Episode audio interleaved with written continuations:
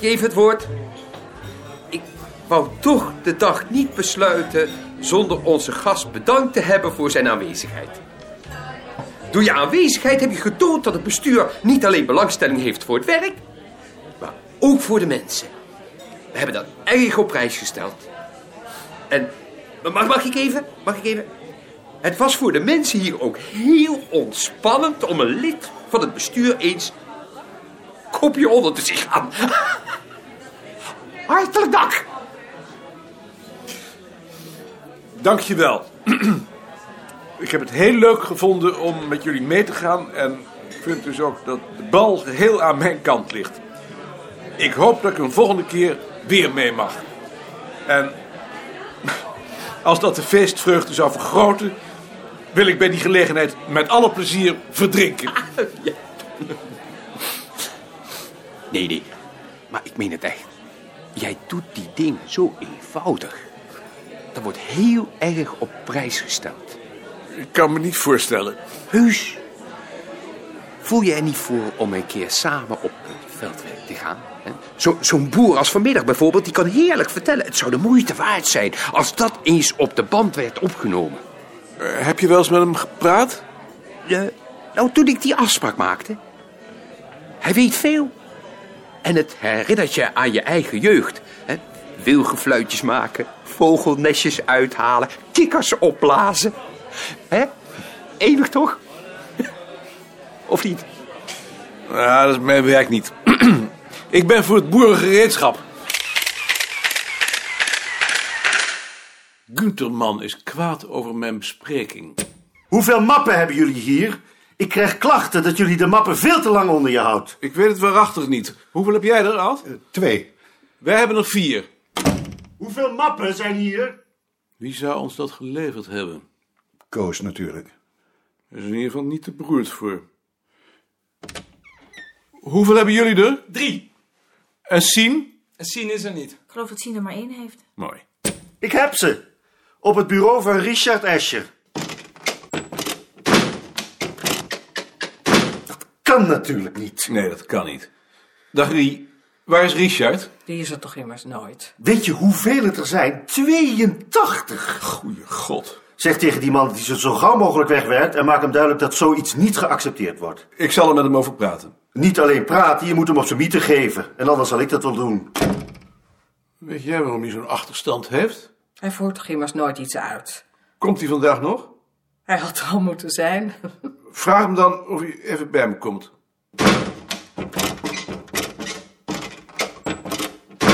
Bij Richard liggen 82 mappen. Zoiets had ik al van Rie gehoord. Dan had je me wel eens mogen waarschuwen. Ik dacht dat het jaringsverantwoordelijkheid was. Maar wij krijgen het gedonder met balk. Heb je enig idee wat er aan de hand is? Ik denk dat het werk hem over de kop groeit. Zal ik hem voorstellen dat wij tweeën die mappen wegwerken, zodat hij met een schone lijn kan beginnen? Zoveel kan het niet zijn. Op hun gebied verschijnt bijna nooit iets. We zouden de mappen die voor hun van belang zijn kunnen uitzoeken en door Rie en Eve laten doen onder ons toezicht. Goed, ik zal hem voorstellen. Eh, je hebt hem gelezen. De brief van Gunderman? Ja, ik heb hem gelezen. Ehm eh, ik, ik ben even een jaring. Linksom.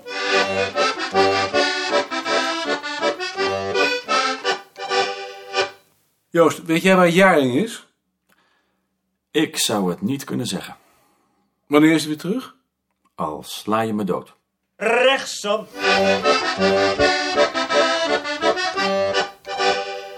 Richard, je bent er dus. Waarom zou ik er niet zijn? Heeft Rie gezegd dat je wilde spreken? Dat heeft ze gezegd. Balk is hier geweest en heeft ontdekt dat jij hier 82 mappen hebt liggen. Waar bemoeit die man zich mee? Die man is directeur en iemand van de andere afdeling heeft bij hem geklaagd. Ik ben er nog niet aan toegekomen. Wanneer kom je eraan toe? Dat kan ik nu nog niet zeggen, vandaag in ieder geval niet. Dat kan niet. Op de andere afdeling ergeren ze zich toch dat we die mappen zo lang houden. We kunnen ons geen glazen veroorloven. Ik heb het te druk. Ik heb mijn handen vol aan de opleiding van Rien Eve. Ik kan die mappen er op het ogenblik niet bij hebben. Alt en ik zijn bereid om eruit te halen wat voor jullie van belang is. Dan kan de rest vast naar de bibliotheek. Daar is geen sprake van, Nog niet? omdat jullie dat niet kunnen beoordelen. Wij hebben een heel andere opvatting van het vak als jullie. En van muziek hebben jullie geen balverstand. Bovendien wil ik de rest ook Hm, zien. Ehm, Het enige wat ik kan beloven is dat ik ze zo gauw mogelijk zal wegwerken. Goed. Richard, de afspraak was dat je voor 1 juni zou afstuderen. Dat is uitgesteld tot september. Waarom? Omdat mijn prof een half jaar naar Amerika moest. Maar hou wel rekening mee dat we het niet eindeloos kunnen uitstellen, want dan krijgen we geheid moeilijkheden met het hoofdbureau. Ik vraag me overigens af waarom ik jou daarvan verantwoording moet afleggen. Omdat ik hoofd van de afdeling ben. Ik dacht dat Jaring dat was. Volgens mijn inlichting is het muziekarchief hier alleen ondergebracht omdat er huisvestingsproblemen waren. En heb jij het toen naar je toe getrokken omdat je de grootste afdeling wilde hebben. Dan ben je verkeerd ingelicht. Ik ben zo vrij om dat te betwijfelen. Als Beerta het muziekarchief niet had overgenomen, dan zou het zijn opgeheven. Dat geloof ik dus niet. Dat staat je vrij. Maar ik zou me toch maar eens beter documenteren. Bijvoorbeeld door de jaarverslagen te lezen.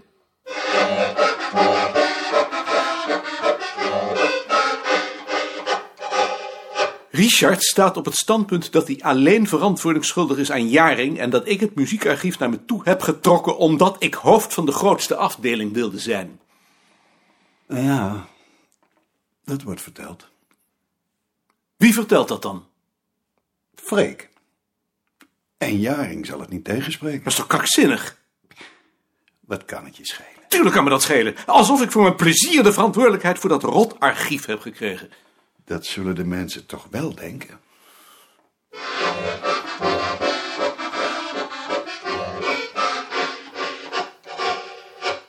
Lieber Herr Günterman, voor zich in uw hoofd vastzet dat ik in mijn bespreking de opmerkingen over uw karakter en over uw samenwerking met Seiner heb gemaakt die u mij toeschrijft, wil ik nog een poging doen om dat te verhinderen.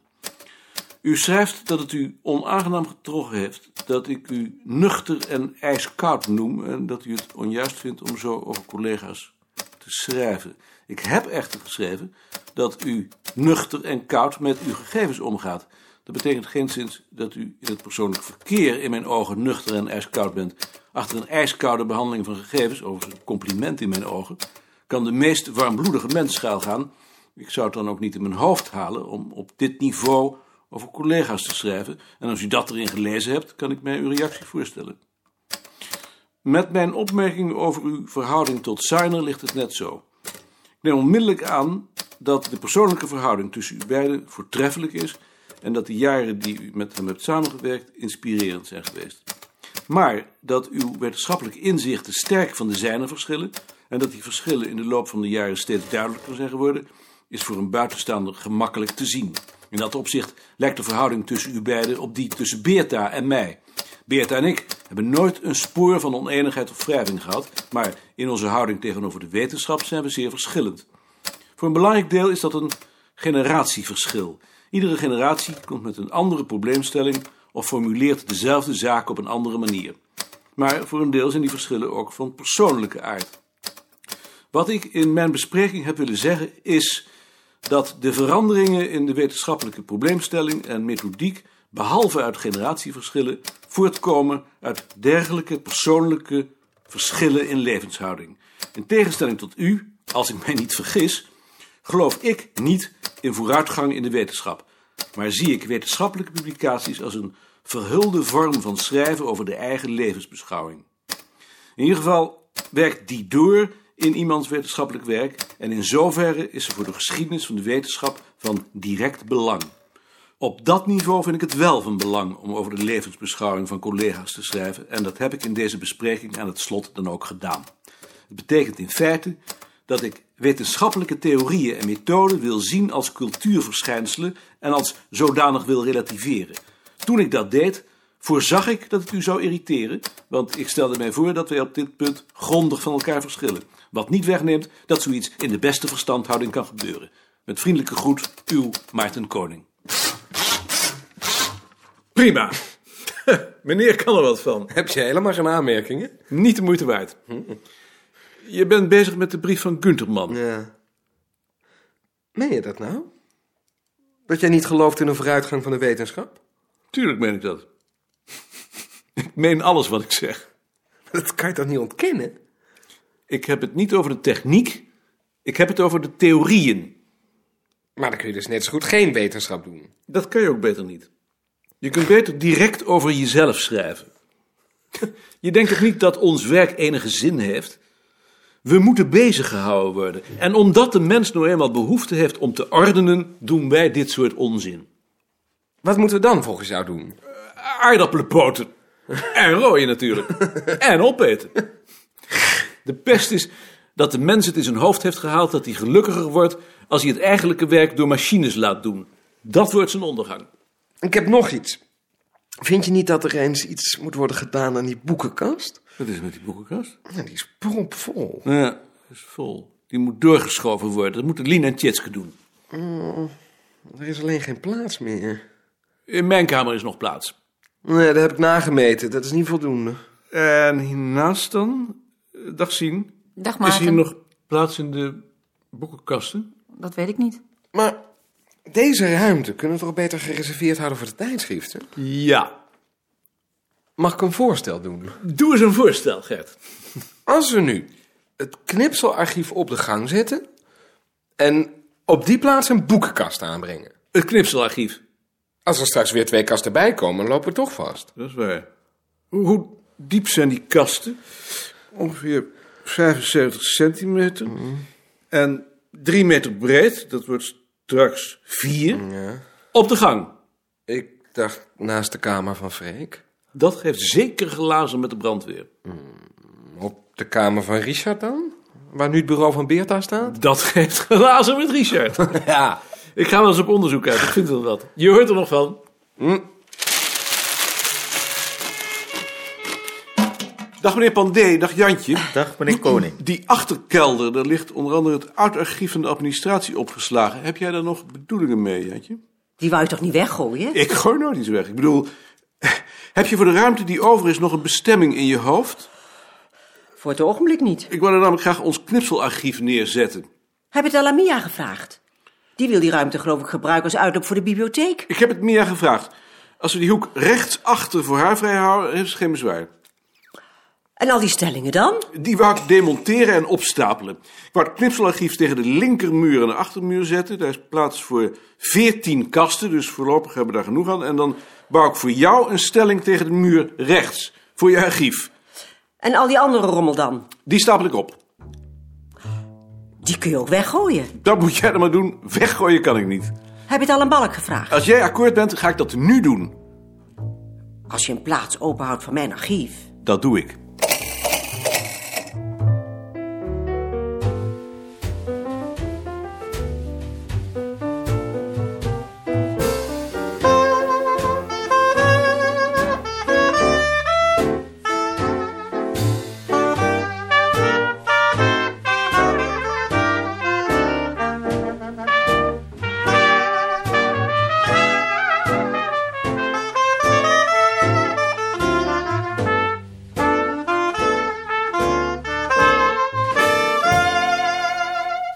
Eh, Een prettige vakantie dan maar. Dank je. Dag Maarten, prettige vakantie. Dank je, Gert. Dag Maarten. Prettige vakantie. Dank je, Joop. Dag Maarten. Prettige vakantie. Dank je, Lien.